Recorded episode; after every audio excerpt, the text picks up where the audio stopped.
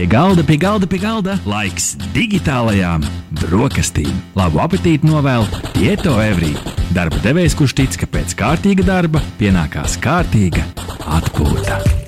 Jā, digitālās brokastis ir atkal pie jums, lai arī kur jūs būtu 95,8 FM, Naba LV, vai arī jūs klausāties mūsu ierakstu formātā, Naba LSM LV, podkāstu LV, Apple podkāsts, Android podkāsts, Google podkāsts, visu, kur ierakstot hashtag digitālās brokastis, jūs varat dabūt savu ikdienas tehnoloģiju ziņu devu.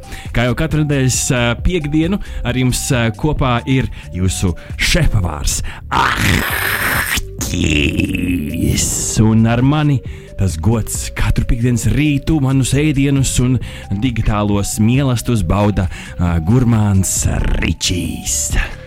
Jā, labrīt, labdien, labvakar, lai arī kur un kad jūs mūs klausāties. Digitālās brokastis šodien sastāvēs no divām daļām. Pirmkārt, būs pamatēdienas, kas ir mūsu ikdienas tehnoloģiju top 10. Un pēc tam otrajā daļā, ja jūs klausāties mūsu ierakstā, tad pēc aptuveni 30 minūtēm varat patīt uz priekšu. Ja jūs klausāties mūsu dzīvajā 95,8 FM, tad 9.15 būs otrā daļa Mm, pavisam īpaša saruna, intervija, aktuāla tēma, kas nekad nezaudē patiesībā savu aktualitāti mūsdienās. Tie ir digitālie maksājumi, kā naudiņa ceļotajā digitālajā pasaulē, un to mums šorīt palīdzēs atklāt un dažādas jaunas lietas uzzināt par to, saprast, kur mēs esam, uz kurien mēs virzamies.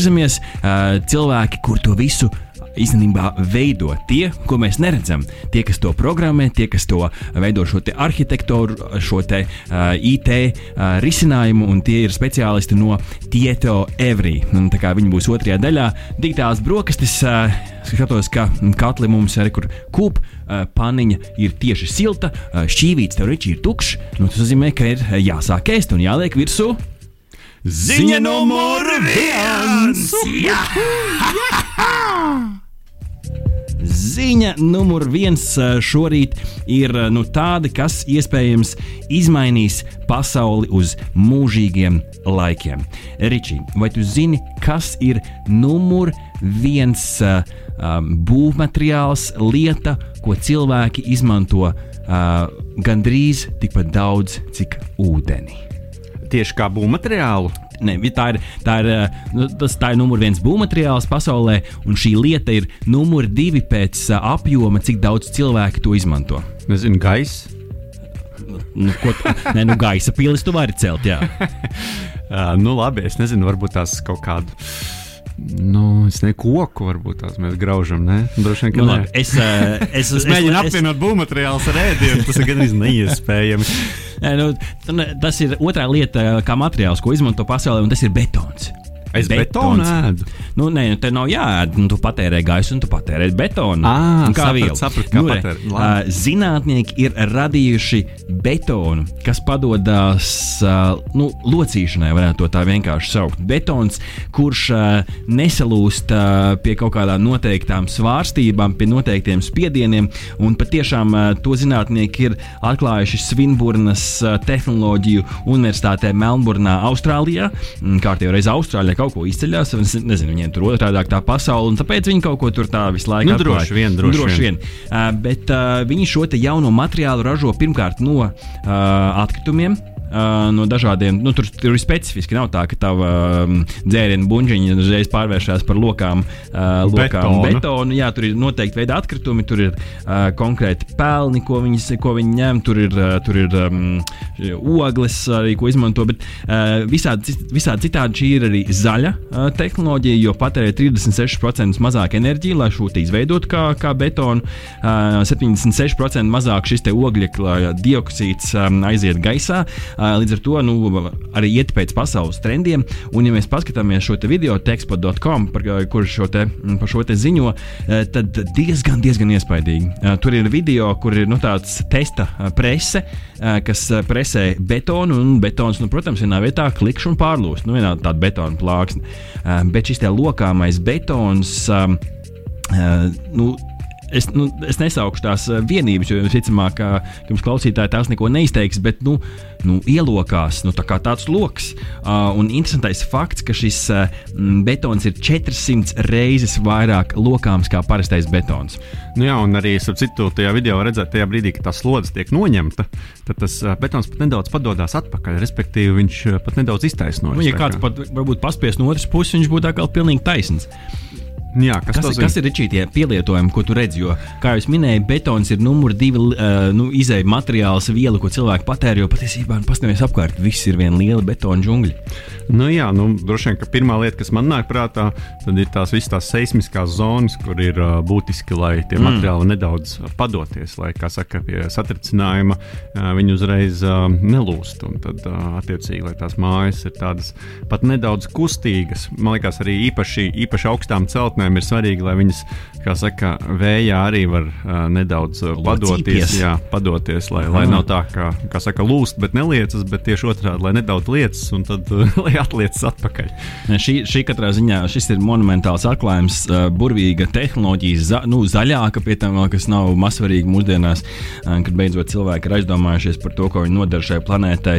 Uh, un, ja beig beigās kādam cilvēkam neuzkrīt ķieģeli, nu tā teikt, betons uz galvas, nu labāk arī beig beigās cilvēkiem. Tā kā paskaties, cik interesantā laikā mēs Ričī dzīvojam šobrīd. Ne? Nu, tāds tiešām uh, jauna tehnoloģija revolūcija. Ied, iedomājieties, kā būtu šo raidījumu vadīt pirms, teiksim, 50 gadiem.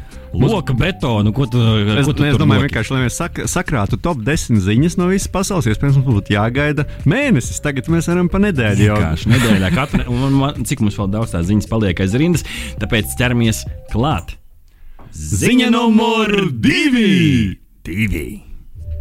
Ziņa numur divi šajā rītā um, nāk no Ķīnas, bet uh, pozitīvā ziņā. Šoreiz kāda pozitīvāka ziņa. Uh, TikTok uh, īpašnieks ByteDance uh, ir izdomājis, ka viņiem ir jāiet jaunā nišā, jaunā tirgū ar jaunu produktu. Nu, TikToks, tie, kas varbūt vēl nezina, TikToks ir īso video, smieklīgo video sociālais tīkls, kur mūzikas pavadījumā bieži vien cilvēki dara vienkārši smieklīgas lietas. Nu, tāds, es gribētu teikt, Ja gribās atslēgties un nedarīt neko intelektuālu, un vienkārši, nu, latviešu sakot, ierēkt, tad ir labs uh, sociālais tīkls, un šis sociālais tīkls, protams, iet plašumā, uh, un līdz ar to ir arī pamats, uh, iespējams, darīt kaut ko jaunu. Un Baiet Dance uh, ir paziņojis, ka viņi palaiž jaunu mūzikas straumēšanas platformu Reso ar diviem S. Reso. Ričī, vai tavuprāt, tirgu ir vietas priekš Reso? Nu, eh, acīm redzot, ja jau ķīnieši ir palaiduši. Bet vai tu pārietu uz kaut ko jaunu šobrīd? Jā, tu domā, tā kā salīdzinājumā, piemēram, ar Spotify vai Uh, nu, piemēram, Spotify, tas pats uh, Deezers, nu, nezinu, YouTube Music jau arī tagad uh, diezgan populārs. Nu, jautājums, kādi tie nosacījumi ir, teiksim, nu, vai tur ir kaut kāda maksa un kāda tā ir. Nu, gan, visu, gan, jau, gan jau viņi tur viss kā autortiesības stāsts un tā. Nu, droši vien, ka tur būtu jāsaprot, jā, kāds ir tas piedāvājums, jo mēs zinām, ka ir arī mūziķi, kuri savu mūziku liek tikai tur un nekur citur.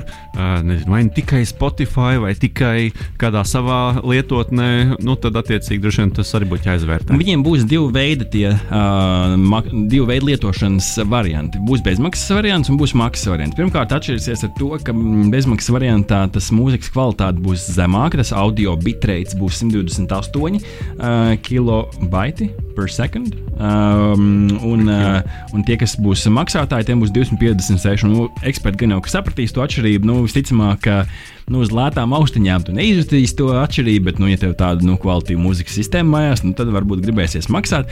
Un tu, eh, tu labi iezīmē arī um, jautājumu par, par to, kas būs tur dzirdams. Nu, šobrīd viņiem ir izdevies, uh, vismaz tā baumo, ka viņiem ir izdevies noslēgt līgumus ar Sony Music un Warner Music, uh, kur ir nu, milzīgas datu bāzes ar, ar mūziku. Līdz ar to nu, diezgan populārs dziesmas gan jau arī būs uh, šajā platformā. Un, kas ir interesanti? Nu, uh, iet, uh, un viņi grasās startēt Indijas tirgū tieši. Mm, tas ir viņu pirmais, pirmais mērķis, kas, manuprāt, nu, tuva valsts. Diezgan liels tirgus. Liels tirgus, vai ne? Ja viņi aizies tur, nu, tad gan jau nebūs ilgi jāgaida, kad arī citos platumgrādos šī platforma ienāks. Nu, man, mans personīgais viedoklis, ka šobrīd nu, varētu būt grūti, jo es neredzu to konkurences priekšrocību šobrīd mums jau ir, kas Latvijā nu, diezgan populārs Spotify, protams, un Deezers, vai ne? Ir vēl visādas uh, Apple Music, piemēram. Ar ko viņi būs labāki? Tas ir tas jautājums. Es šobrīd neredzu, ko, nu, kas varētu būt tas, kas man varētu likt pāriet uz turieni. Nu, teiksim, ja tu daudz lietotu TikTok iespējams, ka viņi piedāvās kaut kādu sasaisti. Nu, piemēram, ka tu mm. varēsi automātiski savam uh, TikTok uh, interesantajam video uzreiz fonā uzlikt uh, mūziku no konkrēti šīs te, uh, platformas. Nu, tas varētu būt kaut kas, kas uh, tevi ieinteresē. Paskat, tu, tu uzreiz forši sasaistīji. Jā, ja esmu TikTok lietotājs, ticamāk, pamēģināšu reso, un tad es dzirdu dziesmu reso. Es viņu varu uzreiz pieglabāt savā TikTokā, nu, tā kā savā TikTok datubāzē. Un, uh, hei, šī ir laba ideja, Ričī. Nu, varbūt uh, reso mūsu klausās, varbūt viņš šo izmantos. Man jau varbūt uz konta tagad ir miljoni nāk. Ziņa numur 3! Ziņa numur 3 šajā rītā nāk no Twitter. Twitter uh, atkal ir pieķēries inovācijām, uh, jo tam ir jāaug līdzi laikam, uh, un viņi to dara ar flītiem. Ričī, vai tu zini, kas ir flīti? Es, es zinu, kas ir uh, kuģu flote. nu, nav gluži uh, flotes. Uh, tie ir, uh, nu, man gribās teikt, tie ir Instagram, uh, Snapchat, Facebook story. Uh, ideja pavisam vienkārša. nu, mūsdienās 280 uh, simbolu garie ieraksti, nu, tā ir šobrīd norma. Uh, Twitteris ir nolēmis uh, tieši Brazīlijas tirgu uh, testēt uh, flītus, jeb uh, tvītus, kas. Uh, fly away, tā teikt, angļuiski aizlido. Nu, līdz ar to tāpēc flīti, uh, un vizuāli viņi izskatās ļoti līdzīgi nu, storijiem. Es teiktu, pat identiski. Uh, Apelīši lietotnes augšpusē, mm, kur tu vari uzspiest un izlasīt šo aizlidojošo uh, ziņu. Nu, tad uh, sveicam Twitteri, uh, jūs esat uh, malači, jūs esat uh, izgudrojuši kaut ko, kas pie mums jau ir pāris gadus. Visi jau ir izgudrojuši. izmantojuši, un beidzot arī jums ir.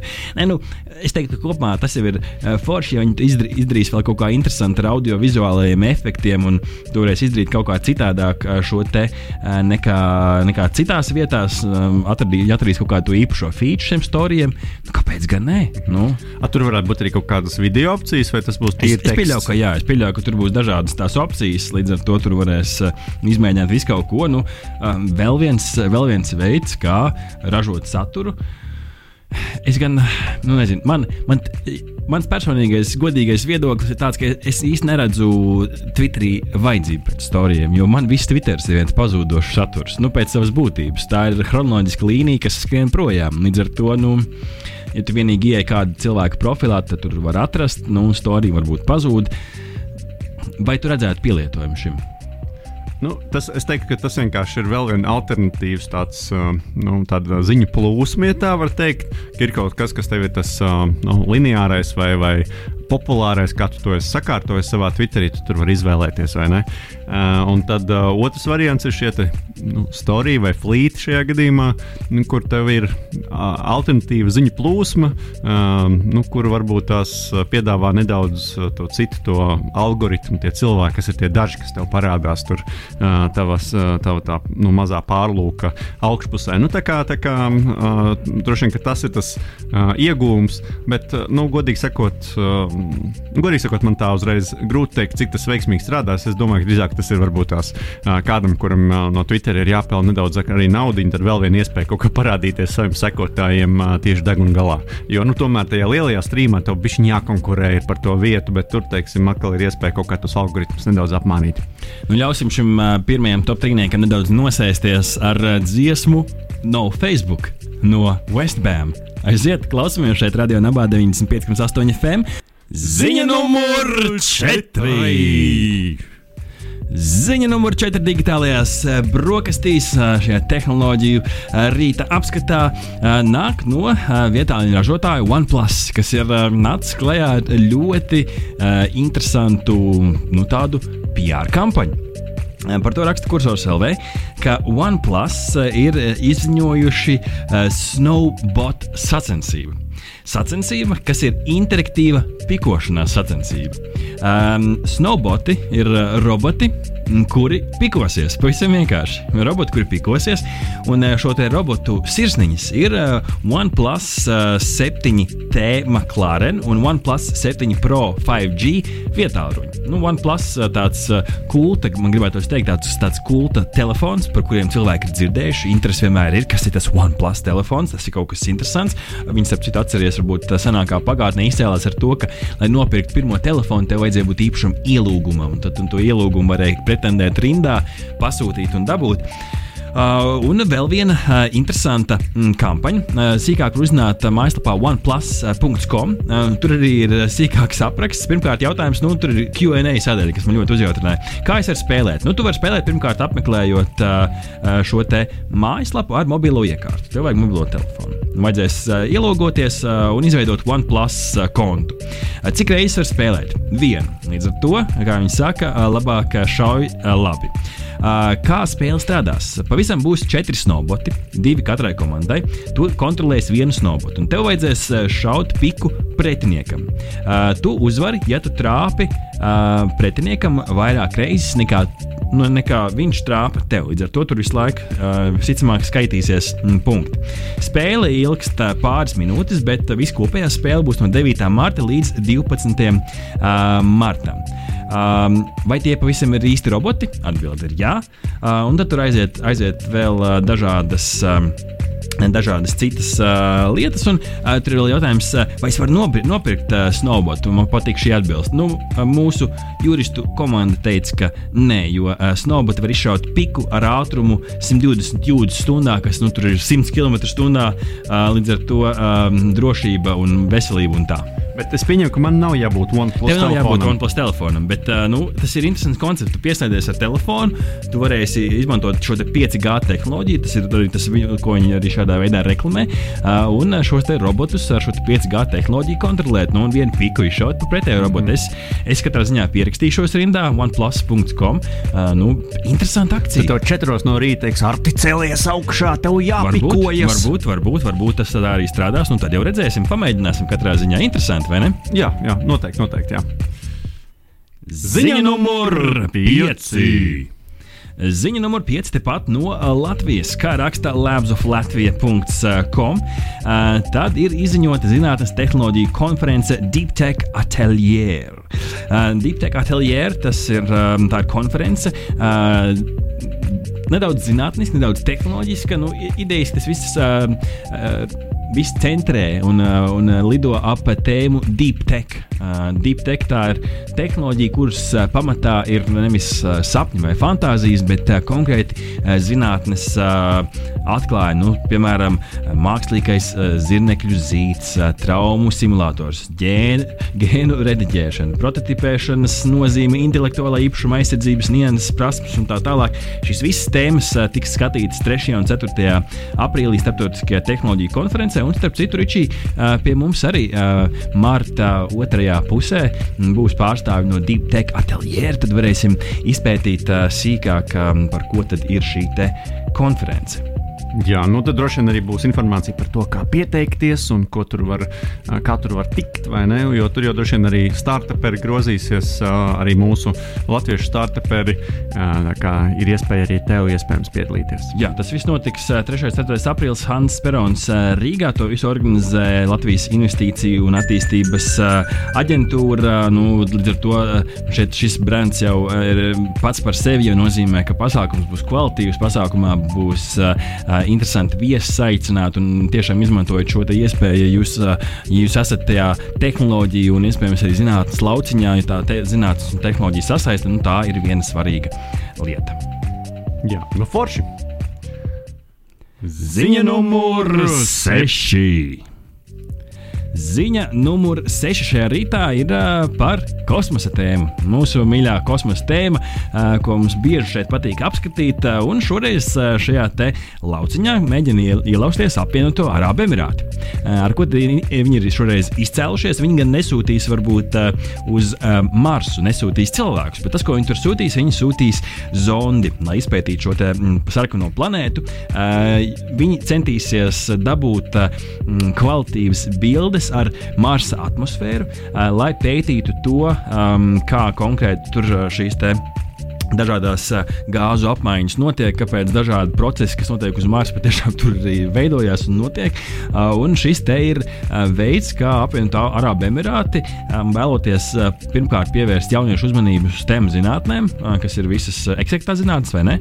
Jā, jā, protams, jā. tā ir tā fizika, matemātika, ķīmija un viss pārējais, kas ir attiecināts uz šo noteikti. Nu, red, līdz ar to viņi vēlās iedvesmot jauno paudzi, lai inženierzinātnes atkal ir topā. Un, nu, hei, um, varbūt arī latviešiem būs kāda, kādu dienu kāda uh, kosmosa zonde palaista gaisā. Cik tālāk, Ričī, mēs esam tālu no tā, lai latvieši dotos uz Marsu? Nu, līdz Marsam droši vien ir diezgan tālu, bet uh, pirmās uh, tās zondes, kas nu, nonāk augstāk nekā vienkārši pie mākoņiem, mums jau ir kur mēs esam šaušies? Mēs esam šaušies ar, liekas, Venta 1, Venta 2 ir kaut ah, kur pareiz, mēģinājuši pareiz. uzšauties gaisā.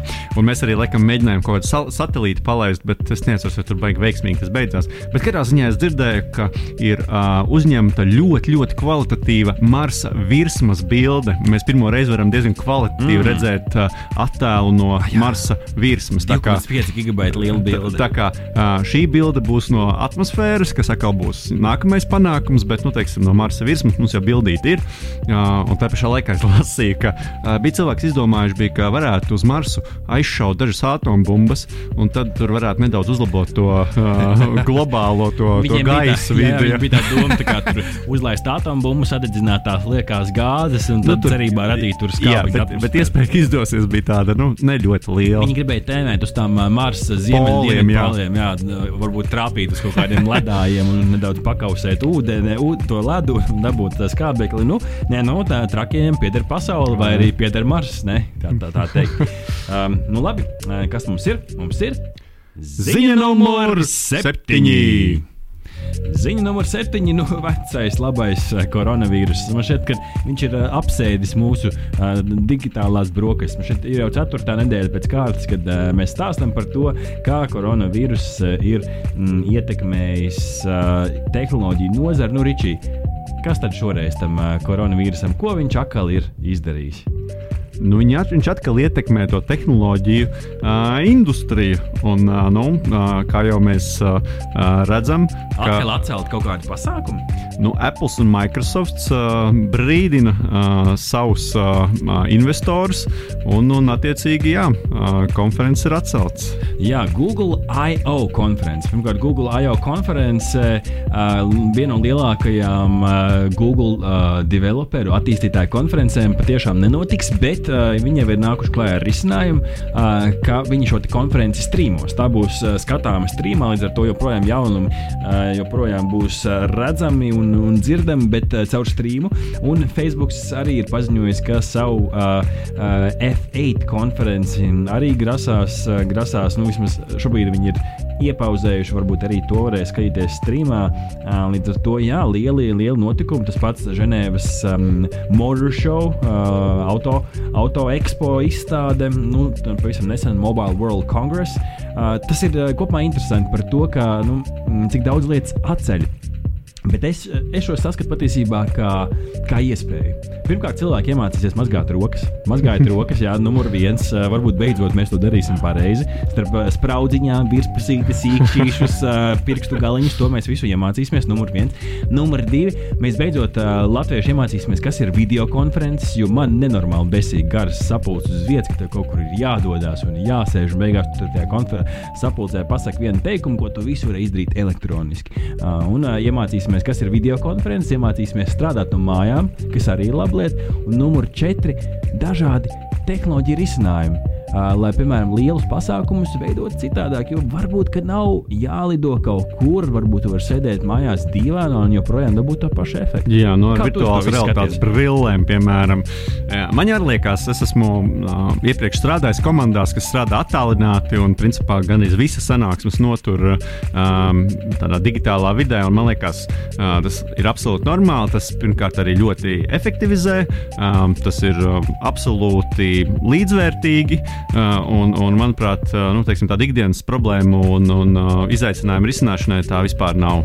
Tas, nu, tas ir ļoti labs veids, kā komunicēt. Vienīgais, ko es gribu teikt, būs droši vien divas industrijas, kas teiks, vai trīs industrijas, kuras teiks, ar te īsi, mēs īsti negribam tev piekrist. Un tas būs avio sabiedrības, tas būs viesnīcnieki un tie būs ēdinātāji. Viņi teiks, ar te nē, nē, nē, nekas nav labāks par klātienes sarunu pie labas maltītes. Nu, ne, nu, tas gan, ne, nu, bet ēdinātājiem viņiem jāmācās, ir jāiet ēdienu piegādes uh, tirgu un uh, um, nu, uh, avio. Nu, labi, nu, tur uh, viņiem jau tāpat tās ir tīri labi. Tur cilvēki ar vien vairāk lido. Nu, jā. Labi, uzliksim vienu dziesmu, lai arī šis nosēžās, un tad ieskriesim jau tajā noslēdzošajā uh, pirkstiņu uzkodu saldajā ēdienā šeit digitālajās brokastīs, uh, lai paskan uh, kaut kas, uh, kādi karstie ritmi uh, no Meksikas. Hečeritos band ar El Sanidita! Ziņa numur astoņi! Ziņa numur 8 šajā rītā. Ja man būtu priekšā mans saraksts, kas man tikko aizvērās, jo tehnoloģija tas ir, ir stāsts par gultu. Ok, aiziet, Ričī, pastāsti, kas tā par gultiņu. Tātad uh, mēbļu ražotājs uh, Bahute ir laidis uh, klajā pilnīgi jaunu setupu, lai jūs varētu gan vienlaicīgi atlaisties mīkstā uh, gultiņā, pufiņā, uh, gan arī izbaudīt uh, visas uh, spēļu uh, priekšrocības. Nu, tur, ja jūs atvērsiet ieliksiet uh, kursors.lv, tad jūs ieraudzīsiet tādu attēlu, nu, kur ir principā tāds nu, pastāst, katra gameru sapnis. Nu, ar sakot, ir gulta, kurai apkārt ir tāds tā kā, nu, es nezinu, biroja galds, kur ir uh, gan datorekrāns, es pateiktu, vairāk ekrāni, ir uh, planšetīte, kur to var pielikt dažādos veidos, kā tev vajag. Uh, ir visas pultis, tādos speciālos uh, plauktiņos, visas klaviatūras, nu, viss, vis, kas tev vien ir nepieciešams, uh, skaņas uh, tehnika, vietiņa kolai un uzkodiņām, un uh, varbūt vēl kaut kaut kam citam. Vienmēr sakot, viss par rokai, viss par ķērienam, lai pieceļoties no rīta, varētu tā arī nekad neizkāpt no gultas. Pieceļoties, nepiecelties. Jā, principā turpināt game tāpat kā vakar aizgāja gulēt. Nu, tas, tas ir interesants. Gameriem parasti ir krēsli, bet reku šeku izrādās var arī būt gulta. Un, nu, vienas puses uh, forši, no otras puses es, mm, kaut kā tas sanitārais aspekts nu, man tur visur to bišķīt kaut kā. Un, un, un miega režīmu noteikti šis arī uh, neuzlabo. Nu, jā, jo tie, tie stāri pirms, eh, pirms gulētiešanas, eh, tas viss arī noteikti ietekmē mūsu miegu. Eh, līdz ar to, jā, Nē, nu, izmēģināt, es būtu ar mieru. Ja jūs arī gribat izmēģināt, tad meklējiet firmu Bauhute ar diviem T un apskatieties šo interesanto gameru gultu. Ziņa numur 9! Ziņa numur 9 šeit rītā mums ir divdaļīga. Divi lieli uh, pirkumi šeit uh, Latvijā ir uh, notikuši. Uh, pirmkārt, uh, konkrētas padome ir atļāvusi uzņēmumam Bite iegādāties telekomunikāciju uzņēmumu Baltkom uh, un uh, Igauņu. Um, šeit tas bija Igaunijas, tad negribu, negribu sajaukt um, um, šo te mm, ziņu. Uh, tūlīt, tūlīt, tūlīt, tūlīt, mm, kur mums te bija. Labi, uzņēmums Pipe Drive uh, ir iegādājies uh, uzņēmumu Mailagent. Mailagent latviešu uzņēmums, kurš, kurš sūta, šūt, sūta šos skaistos newsletteru e-pastus. Un Pipedrive, jā, patiešām ir Igaunu uzņēmums, kas vairāk ir tieši uz klientu attiecību menedžēšanu vērsts. Līdz ar to nu, klienti turpmāk tiks menedžēti ar latviešu skaistiem Mailagent e-pastiem. Un, nu, un, protams, Baltkom telekomunikāciju uzņēmums no Bita nostiprinās šajā IT tirgu. Kā tavuprāt šis ietekmēs kopumā šo visu nozari? Uh, nu, droši vien, ka Bita kļūs spēcīgāk Viņi jau sen ir izrādījuši tādu vēlmu. Es domāju, tas nozīmē, ka viņi vienkārši sāks vairāk līdzināties arī jau teiksim, TL2 vai, vai, vai LMT piedāvājumam, jo skaidrs, ka tas piedāvās. Viņiem būs iespēja arī kaut kādā um, nu, vizuālā video uh, TV laukā ielausties ar šo. Un man milzīgs prieks par Mailģenu. Super, vēl viens startups, kuram Latvijā ir veicies lieliski. Ziņa numur desmit. Nu, kāds jaunietis, 11 gadus vecs jaunietis, izdomāja, ka vecāki izdomāja, ka viņš pārāk daudz spēlē GTA, braukājās pa virtuālajām ielām, viņu palaida uz ielas ar īsto mašīnu un, nu, protams, apcietināja. Bastard! Šīs bija digitālās brokastis. Nebrauciet, ja jums nav, nav attiecīgie gadi. Čau, čau! Dušīgi ieturētas digitālās brokastis var ķerties pie darba vai atpūtas. Galvenais - turēt visu īstajā līdzsvarā. Ja nezini, kur to meklēt, pamēģini Tieto Every simulātoru. try.tieto.lv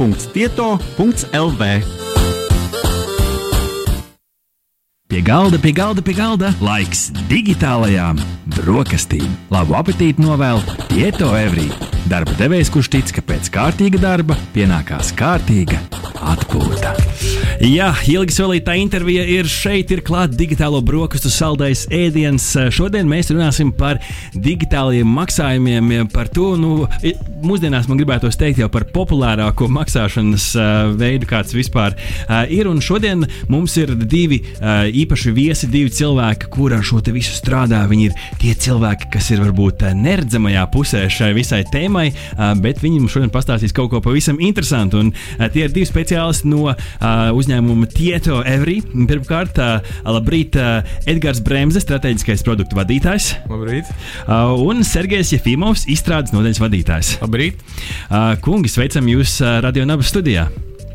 Prieks jūs redzēt. Ja jūs gribat redzēt mūsu īpašos viesus, varat iet mūsu Radio Nabas Facebook lapā. Tur mēs esam redzami. Starp citu, gribās palīdzēties. Mēs esam ar Ričiju labi pastrādājuši. Mums ir jauns setups, mums ir jauna kamera, mums ir laba skaņa. Tā kā augam arī mēs līdz kopā ar jums. Tā kā uzspiediet laiku, padalieties, lai arī jūsu draugi redz. Un sveiciens arī starp citu visiem Tieto Evrī kolēģiem. Es tā dzirdēju, ka esot palaista ziņa pa biroju, ka šodien kolēģi būs un jāklausās, vai ne? Nu, cerams, ka mums arī mūsu ieklausās. Jā. Kā ir ar tiem programmētājiem? Viņi no rīta jau šobrīd strādā, vai vēl ir par agru priekš darba sākuma? Dažādi ir tādi, kuriem patīk atbraukt bišķiņā ātrāk. Jā. Tādi, kuriem patīk atbraukt bišķiņā vēlāk. Droši vien cilvēki vair, nu, vairāk klausās to radio, braucot uz darbu. Mm. Tāpēc tie, kuri šobrīd brauc Tur tur lūdzu rokas uz stūri, vai ne? Tieši tā. uh, Tieto Evrī, tas ir uh, startautisks um, uzņēmums. Mēs uh, iepriekšējās sarunās ar jūsu kolēģiem varbūt neesam tik daudz arī parunājuši par, par pašu uzņēmumu. Līdz ar to varbūt nedaudz tā iezīmēsim, ieskicēsim tie, kas varbūt vēl nezina, kas ir Tieto Evrī. Startautisks uzņēmums un strādājot dažādās uh, valstīs. Kurās valstīs tad Tieto Evrī šobrīd darbojās, varbūt no kurām valstīm ir klienti, kas varbūt uzreiz nāk prātā, uh, cik plaši aptver to, to pasauli? Jā, nu mēs varam runāt par eh, konkrētu mūsu nodaļu, kas ir eh, digitālo maksājumu nodaļa. Tad mūsu klienti atrodas uh, gandrīz visas pasaules malās. Mums ir uh, ap kādiem 80 klientiem. Sākot no tādām valstīm kā Dienvidāfrika, Maldīvas, nu, un beidzot ar kaut kādām tradicionālām valstīm - Nīderlandē, tepat Latvijā, Baltkrievijā. Mm -hmm. vai, vispār, vai vispār pastāv kādi ierobežojumi šobrīd, kur vispār varētu strādāt šāds te, uzņēmums digitālajā laikmetā? Es domāju, ka digitālajā laikmetā šobrīd nav tādu robežu, kur mēs varam strādāt un kur mēs nevarētu strādāt. Vienīgais ir tas, ka, protams, katra valsts ir kaut kādi savi vēsturiskie vai kultūrāli aspekti, kas ir jāņem vērā, lai Eh, tas risinājums, ko mēs ražojam, atbilst šīs konkrētas valsts iedzīvotāju vajadzībām. Tad jums, principā, vajag tādu starpkultūru ekspertu. Var teikt, arī tā, jā. un kā ar tām juridiskajām lietām, teiksim, tur jau ir vajag kādu tiešām smalku ekspertu, lai vispār saprastu, kā kurā valstī kas notiekās. Pilnīgi noteikti. Nu, ir pārsvarā, protams, mēs strādājam tā, ka kaut kādus juridiskus jautājumus mēģinām nodrošināt ar konsultācijām tājas valstīs, un, protams, mēģinām arī izmantot savu līgumu templētus, nevis no klienta kaut ko saņemt un pēc tam mēģināt saprast vietējo likumdošanu. Tas man, man pārsteidz viens cipars, kad es palasīju par Tietu Evrī. Pasaulē esat vairāk kā 24 tūkstoši darbinieku. Ļoti iespaidīgs cipars. Tas ir piepildīt kārtīgi prāta vētras koncertu, man šķiet, stadionā. Un esat Latvijā esat vairāk kā 300. Kā vispār ikdienā ir strādāt tik lielā un tik starptautiskā kolēģu pulkā? Tas ir tur noteikti ļoti interesanti, jo viss šīs ikdienas kultūras aspekts, sadarbība, dažādas pieredzes, visas sanāk kopā tajā kolektīvā. Tieši tā, es pat teiktu, ka e, šobrīd Tieto Evri ir e, lielākais IT uzņēmums Ziemeļvalstīs. Mm. Konkrēti Latvija pie mums strādājas pat precīzēšana. Mums nav 300 cilvēki, mums strādā ap 800 cilvēkiem. 300 cilvēki strādā konkrēti mūsu digitālo maksājumu nodaļā. Ah, super, super. Un uh, gribēju pajautāt, kur jūs strādājat? Es esmu dzirdējis, ka Tieto Evri ir viens no foršākajiem birojiem vispār Latvijā. Uh, mēs strādājam forša vieta, kas ir jaunas teikas birojas pārsvarā. Mums arī ir Skanstas ielas birojas. Uh, Nu, es teiktu, tā ir nu, tāda, ko mēs saucam par Rīgas uh, Silicon Valley. Tā kā blakus ir uh, vēl daži citi IT uzņēmumi, un tā vispār kopējā vide ir ļoti forša. Jūs principā tādā IT uzņēmuma ekosistēmā esat iekšā. Tieši tā paša centrā. varbūt ir kāda vēl forša feature par biroju, ko gribās pastāstīt. Nu, teiksim, kas pašiem visvairāk patīk. Nu, mums ir kafija. nu, ir, ir daudzas foršas vietas, kas mums ir biroja. Šobrīd mēs arī um, ieguldām naudu, lai biroju uzlabotu un padarītu to foršāku saviem darbiniekiem. Ir arī tāds princips, kas nu, pasaulē pašlaik tiek uh, gūst tādu popularitāti, kas saucas par activity-based workplace, kad cilvēkiem ir iespēja pastrādāt dažādā tipa vietas. Nu, nav kaut kāda vienmēr viena vieta, kur tu sēdi. Eh, tev ir iespēja aiziet kāda klusiņa vieta, pastrādāt, tev ir iespēja aiziet, pasēdēt uz divāniem, eh, varbūt pat eh, aiziet ar savu kafiju vai ar savu ēdienu, pasēdēt pie liela galda. Tā kā ir nu, vairākas iespējas, kur cilvēks priekš sevis var atrast to pašu foršāku vietu, kur viņa produktivitāte priekš viņa paša būs nu, pati augstāka. Šis ir digitālās brokastis, līdz ar to digitālā lieta, kas man ļoti patika jūsu birojā, bija tas, ka jūs patiesībā esat priekšā pat visiem uh, digitālajiem veikaliem un tā tālāk. Jums ir sensori, kuri nosaka, kura darba vieta ir aizņemta. Un tas bija tik, tik forši vienāds birojā, tu redzi to karti un uzreiz, kā tu apsēdies kaut kur, tā sensors uzreiz piefiksē, o, oh, šī darba vieta ir aizņemta. Te labāk nevajag nākt, jo te kāds jau sēž. Tā kā nu, ļoti, ļoti digitāli. Bet uh, šodienas tēma mums ir digitālie maksājumi. Ķersimies klātai tai galvenajai tēmai, jo tie to everīd ne tikai IT, bet arī finanšu tehnoloģiju uzņēmums.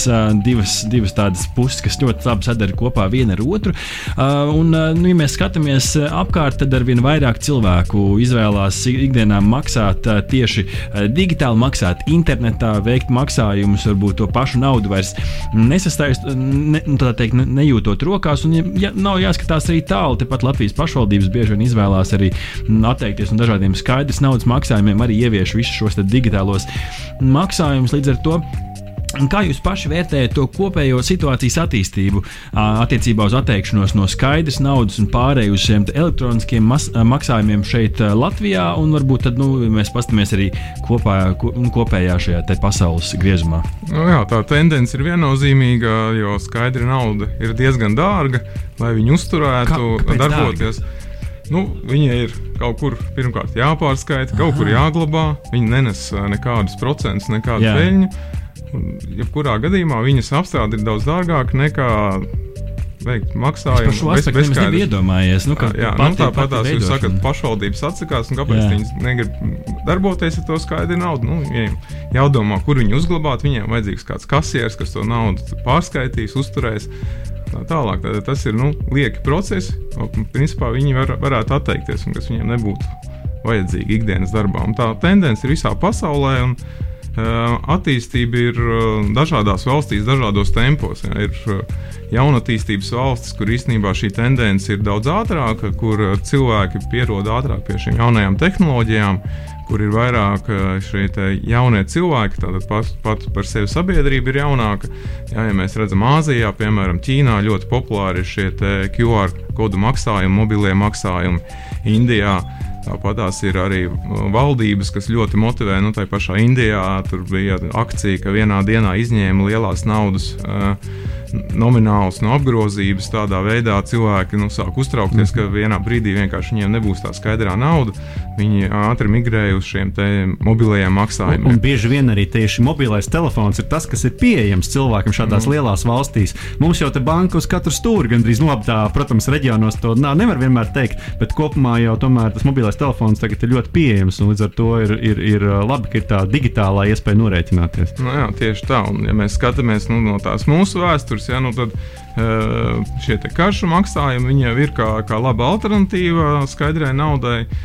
Viņi, nu, piemēram, mēs ceļojot, ja mēs, nu, es nezinu, vismaz es ceļojot, jau esmu sen aizmirsis par kaut kādiem valūtas maiņas punktiem, jā, jo ceļojot, visur var norēķināties ar kārti, jo visās valstīs, kur, kur brauc turisti, kur, kur notiek kaut kāds bizness, visur ir attīstīti šie posttermināli. Ja? Tad, tad kartes ir jau ļoti laba alternatīva skaidrai naudai, bet viņas nenodrošina visus procesus. Jo, nu, ir, kartes tādai fiziskai personai ir, nu, viņi nevar pieņemt šo kartes maksājumu. Tas, lai katram būtu posttermināls, tas būtu dārgi. Arī mazajiem veikaliem šie risinājumi ir dārgi. Tāpēc šajās valstīs atkal, kas jau skatās tālāk, tiek ieviesti šie mobīlie risinājumi dažādi QR kodu maksājumu veidi, ja, kas atkal jau stimulē šo te, um, alternatīvu skaidrai naudai tādos uh, cilvēks cilvēku maksājumos, vai, nu, piemēram, ja mēs gribētu Rīgas tirgū šobrīd samaksāt ar, ar, ar karti, mēs nevarētu. Ja? Un, diemžēl Latvijā mums šobrīd ir nav šādi mobīlie maksājumi tik ļoti attīstījušies. Kaut gan, nu, jāsaka, liels uzslavs Latvijas bankai, kas šajā jomā ir ļoti daudz darījusi. Viņi ir ieviesuši zibmaksājumus, viņi ir ieviesuši zibsaites, kas piesaista kontu ar, ar mobilo telefonu. Tātad no, no Latvijas bankas puses ir, nu, viņi arī cenšas šo tirgu attīstīt. Nu, Komercbanks mums ir drusciņi lēnākas, bet nu, viss notiks. Es ceru, ka arī mhm. tuvākajā nākotnē mums būs iespējas veikt šādus personu, cilvēku cilvēku maksājumus. Vēl gribēju pajautāt, nu, mēs visi esam, es domāju, ka pilnīgi visi, kas klausās, ir uh, saistīti ar kādu banku visticamāk, bet attīstās arī šie nebanku risinājumi, arī dažādas digitālās uh, valūtas, mēs dzirdam par kriptovalūtām. Varbūt ir iespēja iezīmēt to scēnu, nu, teiksim, kas tad mums īsti uh, šobrīd tie maksājumi pasaulē uh, pastāv. Teiksim, tie banku risinājumi, tad tie nebanku risinājumi. Jā, nu, tad, ja mēs skatāmies nebanku risinājumus, nu, tad viņi, viņi varētu būt dažādi.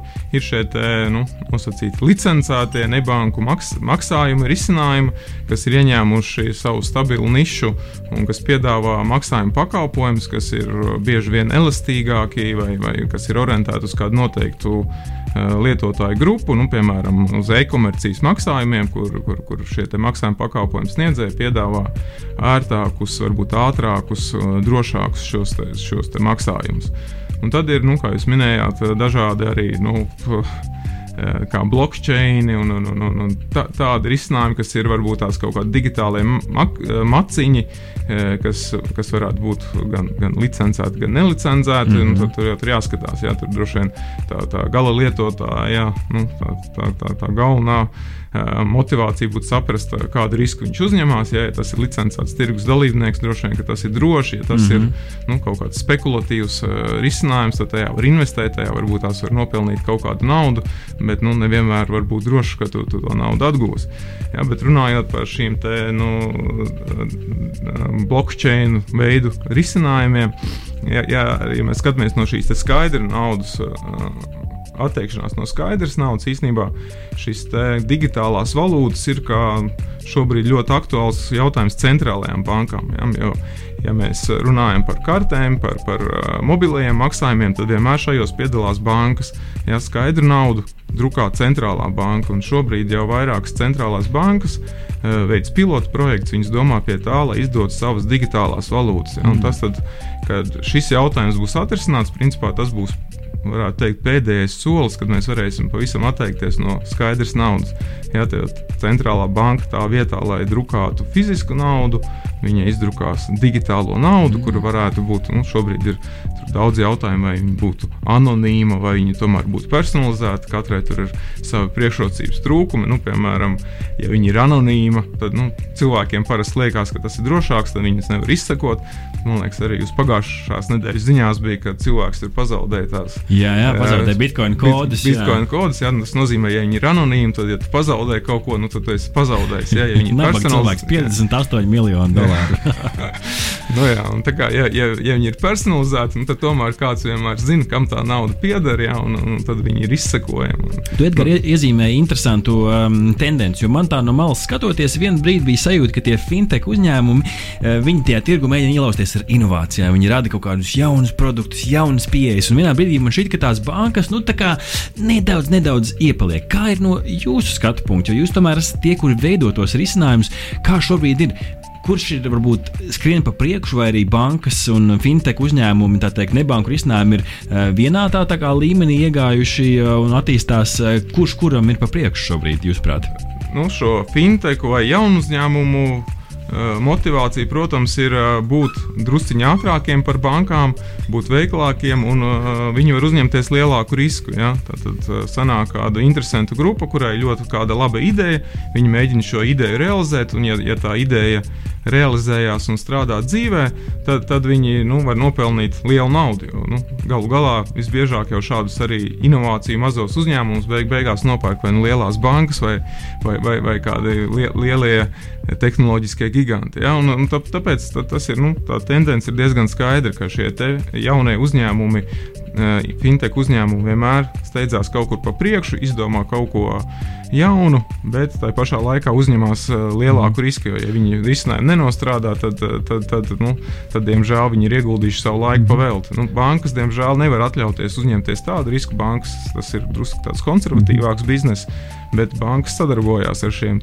fintech uzņēmumiem. Un, jā, no otras puses, arī jāsaka, ka tieši bankas var, tieši šie fintech var piedāvāt uzņēmumiem pielāgots pakalpojumus, jo bankas iespējams nevienmēr tā spētu noreaģēt uz katras nozares specifiskajām vajadzībām, bet šie fintech viņi var ļoti noc, nu, specializēties, ko varbūt bankas nevar atļauties. Jā, tieši tā, tas, tas arī tas ir. Jā. Gribēju jautāt arī par tieto Every. Nu, teiksim, vai jūs, kas ir tie pakalpojumi, ko jūs piedāvājat saviem klientiem šajā jomā? Jomā, un vai, vai, tās, vai tie risinājumi tiek arī šeit programmēti uz vietas Latvijā? Nu, kas, kas ir tas, kas notiek šeit uz vietas? Jā, nu, pa, pa lielam to, to, ko mēs piedāvājam, tā ir šo maksājumu neredzamā daļa. Um, Tas ir tas, kad vai jūs nopīkstināt karti, vai, vai jūs veicat naudas pārskaitījumu, lai viņš tur dažu sekundžu laikā jau nonāktu pie, pie otras, otra šī maksājuma saņēmēja. Ātrums varētu būt tas. Ātrums, liela, liela transakcija apjoma apstrāde, tās ir tās, nu, ir tās problēmas, stabilitāte. Ja, ja mēs runājam tāpatās par bankām, ja, ja, nu, mēs esam pieraduši, ja mēs veicam to kartes maksājumu vai, vai, vai kuru maksājumu, nu, mēs esam saprotam, ka viņš vienmēr notiks. Ja mēs nepieļaujam to situāciju, ka varētu būt tāda diena, ka pēkšņi viss apstājās un nekas nenotiek. Ja? Un tad, ir, ja tāda situācija notiek, tad ir nu, bank, bankai reputācijas risks un tā tālāk. Līdz ar to mūsu uzdevums ir, lai šie risinājumi strādātu ātri, stabili, droši. Un, un tas ir nu, tie galvenie jautājumi, ko mēs nu, risinām, ka, ka mēs Tad uzrakstīt programmas kodu jau ir. Nu, tas, tas varbūt nav tik sarežģīti kā parasti kodu uzrakstīt. Jā, bet uzrakstīt tā, lai viņš strādātu ātri, efektīvi un droši. Jā, jo no, no otras puses arī bankas nav gatavas tur ieguldīt lielu naudu tehnoloģijās. Uh, viņi, viņas grib, lai šie risinājumi būtu viedi, lai viņi strādātu pēc iespējas efektīvi. Kā mēs to darām, droši vien Sergejs. Jā, nu par uh, izstrādi tad es varu pateikt, uh, lielāka daļa no tiem produktiem, ko mēs ražojam, tiek ražoti pat Rīgā. Tā pašā laikā mums ir uh, dažas izstrādes vienības, atrodas gan Zviedrijā, gan Indijā. Hmm outsourcē. Tas jau tāds populārs uh, biznesa modelis, ka kaut kādas lietas var izdarīt pats, iespējams, kaut kādas lietas var izdarīt arī kolēģi citos birojos. Tieši tā, nu, ja mēs runājam par tādu mastermindu, kur viņš atrodas, kur mēs izdomājam, ka te risinājumi varētu izskatīties, tad tā ir Rīga. Jā, nu, ah, nu, redz, kā tad, tad, tad tomēr Rīga varētu pat, nu, es kaut gadu atpakaļ dzirdēju, ka Rīga nu, grib, tā teikt, kandidēt uz to Baltijas tehnoloģiju galvaspilsētas titulu. Tā varētu arī būt, ja jau tās smadzenes sēž šeit. Nu, cerams, nākotnē tā arī būs. Jā. Paņemsim nelielu pauzīti. Nu, tā kā visas šīs sarunas ir par un ap naudu, un kas kopumā ir tāds augsts, augsts, augsts risks, nu, tad atbilstoši dziesma grupa Austra ar dziesmu Riskit, nu, kas neriskēts nevienē, vai ne? Tad pēc šīs dziesmas atgriezīsimies ētrā un paturpināsim sarunu par, par maksājumiem un par to, kur tie varētu attīstīties nākotnē. Klausamies! Austra! Jā, mēs esam atpakaļ Radio Naba, um, un pie mums ir uh, divi viesi uh, no Tieto Everī - Edgars Brems un Sergejs uh, Jefimovs. Uh, viņi mums šodien stāsta par uh, digitālajiem maksājumiem. Uh, un, um, mēs jau iesākām šo sarunu pirms uh, muzikālās pauzes, bet um, tagad gribās paturpināt ar jautājumu, nu, teiksim, es esmu uh, iespējams uh, IT students, uh, varbūt studēju kādu arī dabas zinātni, uh, un domāju, jā, nu, noklausoties šo interviju, es gribētu būt komandā strādā pie jums un izstrādāt uh, kaut kādus digitālos uh, risinājumus maksājumiem. Nu, kādām, kādas prasmes un uh, zināšanas jūs sagaidat no manis, uh, un kas varbūt ir tas, ko jūs varat uh, man iemācīt uz vietas? Nu jā, nu, sakot ar to, ka izņemot tādas tradicionālas zināšanas IT vai finanšu jomā, mēs ļoti lielu uzsvaru liekam arī uz to, kas ir par cilvēku, kādam viņam ir um, iekšējas uh, vēlmes, viņš, kurā virzienā viņš grib attīstīties. Un, uh, pat skatoties tekošo situāciju, tur darba tirgu ir arī tāda tendence, ka īstenībā ļoti daži cilvēki no pavisam citām nozarēm mēģina pārslēgties uz kaut kādām IT uh, darbiem. Un ļoti svarīgi, ka ir tas, ka šie kandidāti arī spēj pierādīt, ka viņiem ir interese, viņi kaut ko paši mēģina darīt. Un uh, galvenais ir tas, ka mēs nestrādājam tikai ar tehnoloģijām, mēs īstenībā pārsvarā strādājam ar cilvēkiem. Mm. Tad ir jābūt, uh, nu, ko mēs saucam par emotional intelligence. Yeah. Spējām, uh, spējām sastrādāties, rast kompromisus darba ikdienā, mēģināt uzklausīt savus kolēģus un uh, būt foršam un labam kolēģim. À, tad patiesībā mēs jau arī pagājušajā reizē, kad mēs runājām ar, ar jūsu kolēģiem, mēs nonācām pie secinājuma, ka ir jābūt zinkārīgam, ir jābūt vēlmei augt, attīstīties un kaut ko izzināt. Jo, ja ir tā vēlme kaut ko mācīties, tad gan jau uzņēmums nodrošina visas tās, tās pieejas un iespējas arī kaut ko apgūt. Tieši tā ir pilnīgas iespējas visu ko apgūt. Gan pašapmācības ceļā, gan arī ar um, materiāliem, kas mums ir pieejami jauniem darbiniekiem. Uh, tas viss ir iespējams. Mm -hmm. uh, tā teikt, šīs sarunas um, noslēguma daļā tomēr gribēs arī paskatīties nākotnē uh, un saprast, kas tad varbūt mūs sagaida. Jo nu, nav noslēpums, ka IT uzņēmumi ir tie, kas iespējams nu, lēnām jau izjūt, jau gatavo tādas jaunas lietas, jo kamēr viņas tiek izveidotas, nonāk līdz cilvēkam, paiet kāds laiciņš.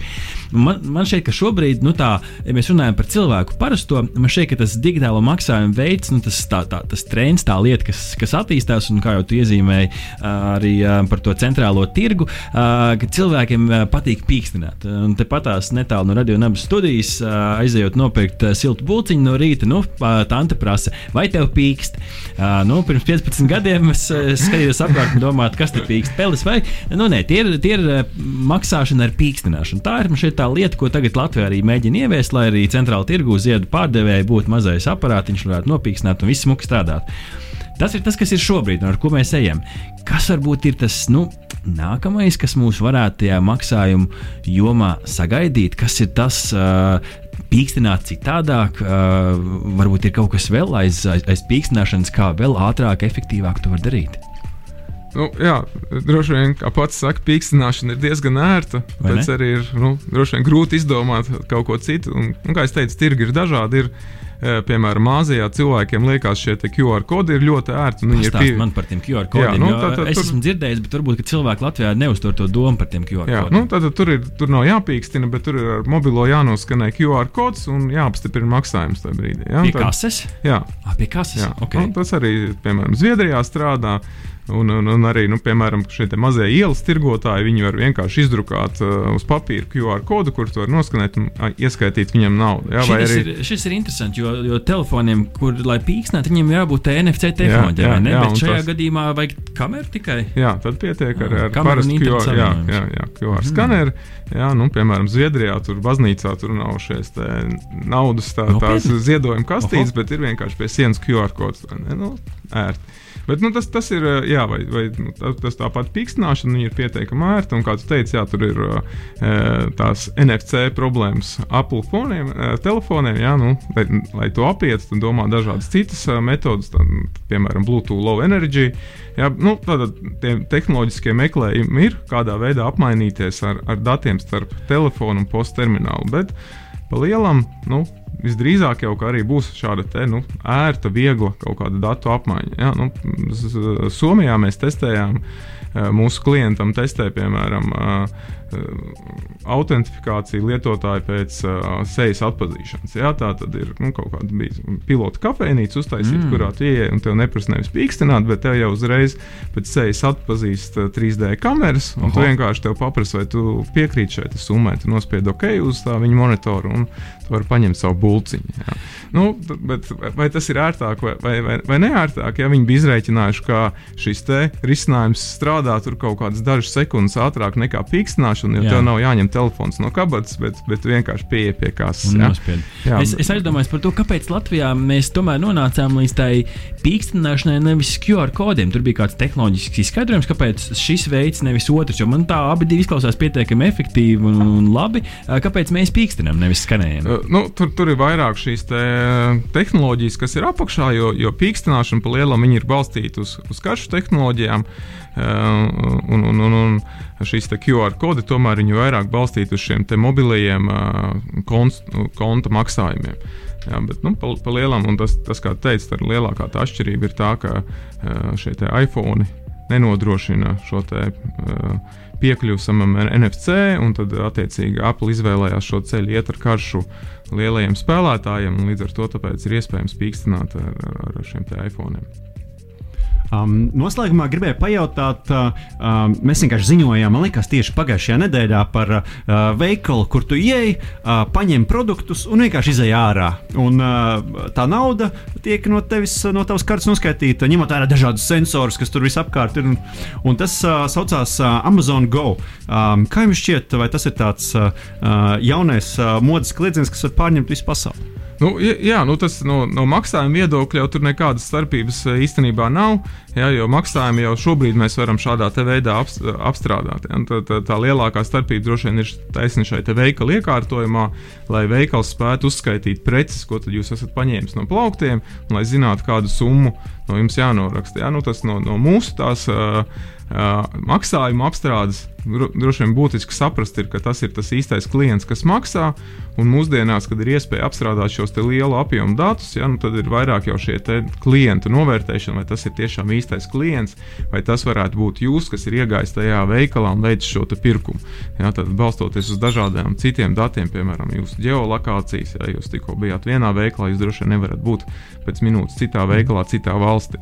Jūs paši gribētu, lai pēc jūsu sejas atpazīšanas uh, tiek maksāts, uh, nu, jūs norēķināties par pakalpojumiem, teiksim, nu, kaut kāds privātums tomēr tur tiek zaudēts. Nu, tieši tā, es pat teiktu, ka tas ir nu, tāds. Tas izraisa tādu diskusiju sabiedrībā, kur ir tā robeža, ko mēs uh, izmantojam savam vajadzībam, lai tie maksājumi ir pietiekami ērti, un kur beidzās uh, tas, ka mans privātums vairs neeksistē, jo mani var atpazīt uz ielas pēc sējas. Uh, Un uh, visi principā uh, nu, var piekļūt tai informācijai, kur es konkrētajā brīdī atrodos. Wow, es, es šorīt klausoties, gribētu teikt, ka jums ir viens varena, aizraujošs un interesants darbs, jo jums izaicinājumi noteikti ikdienā nepietrūkst un strādāt ar uh, tik interesantu nozari kā finanses. Noteikti ir, ir gan tas drives, gan tā enerģija, gan tas uh, adrenalīns ir apakšā, ka tev ir jā, jāizdomā, kā šo labāk atrisināt. Uh, noteikti šī ir nozara, kurā, uh, kurā nav garlaicīga. Tā gribētu teikt. Un uh, šorīt šajā rītā rītā, kā jūs redzat, tikpat ātri kā ziba maksājuma patskrēja arī šī saruna. Paldies, Edgars, paldies, Sergei, ka atnācāt pie mums šeit uz Radio Nabas digitālajiem brokastīm. Un turam īkšķus, lai jums izdodas un lai patiešām šī smadzenes arī paliek šeit Rīgā, jaunajā silikona ielā. Paldies, kungi! Paldies jums arī. Paldies. Jā, šī bija intervija par uh, digitālajiem maksājumiem. Uh, varat noklausīties visu pilno ierakstu nedēļas nogalē arī podkāstu LV, Nabelas MLV, Apple podkāstu, Android podkāstu, visur, kur ierakstot hashtag digitālās brokastis. Jūs varat dzirdēt savu ikdienas tehnoloģiju ziņu devu. Čau, čau! Kad dūšīgi ieturētas digitālās brokastis, var ķerties pie darba vai atpūtas. Galvenais - turēt visu īstajā līdzsvarā. Ja nezini, kur to meklēt, pamēģini Tieto Every simulātoru. trai.tieto.lv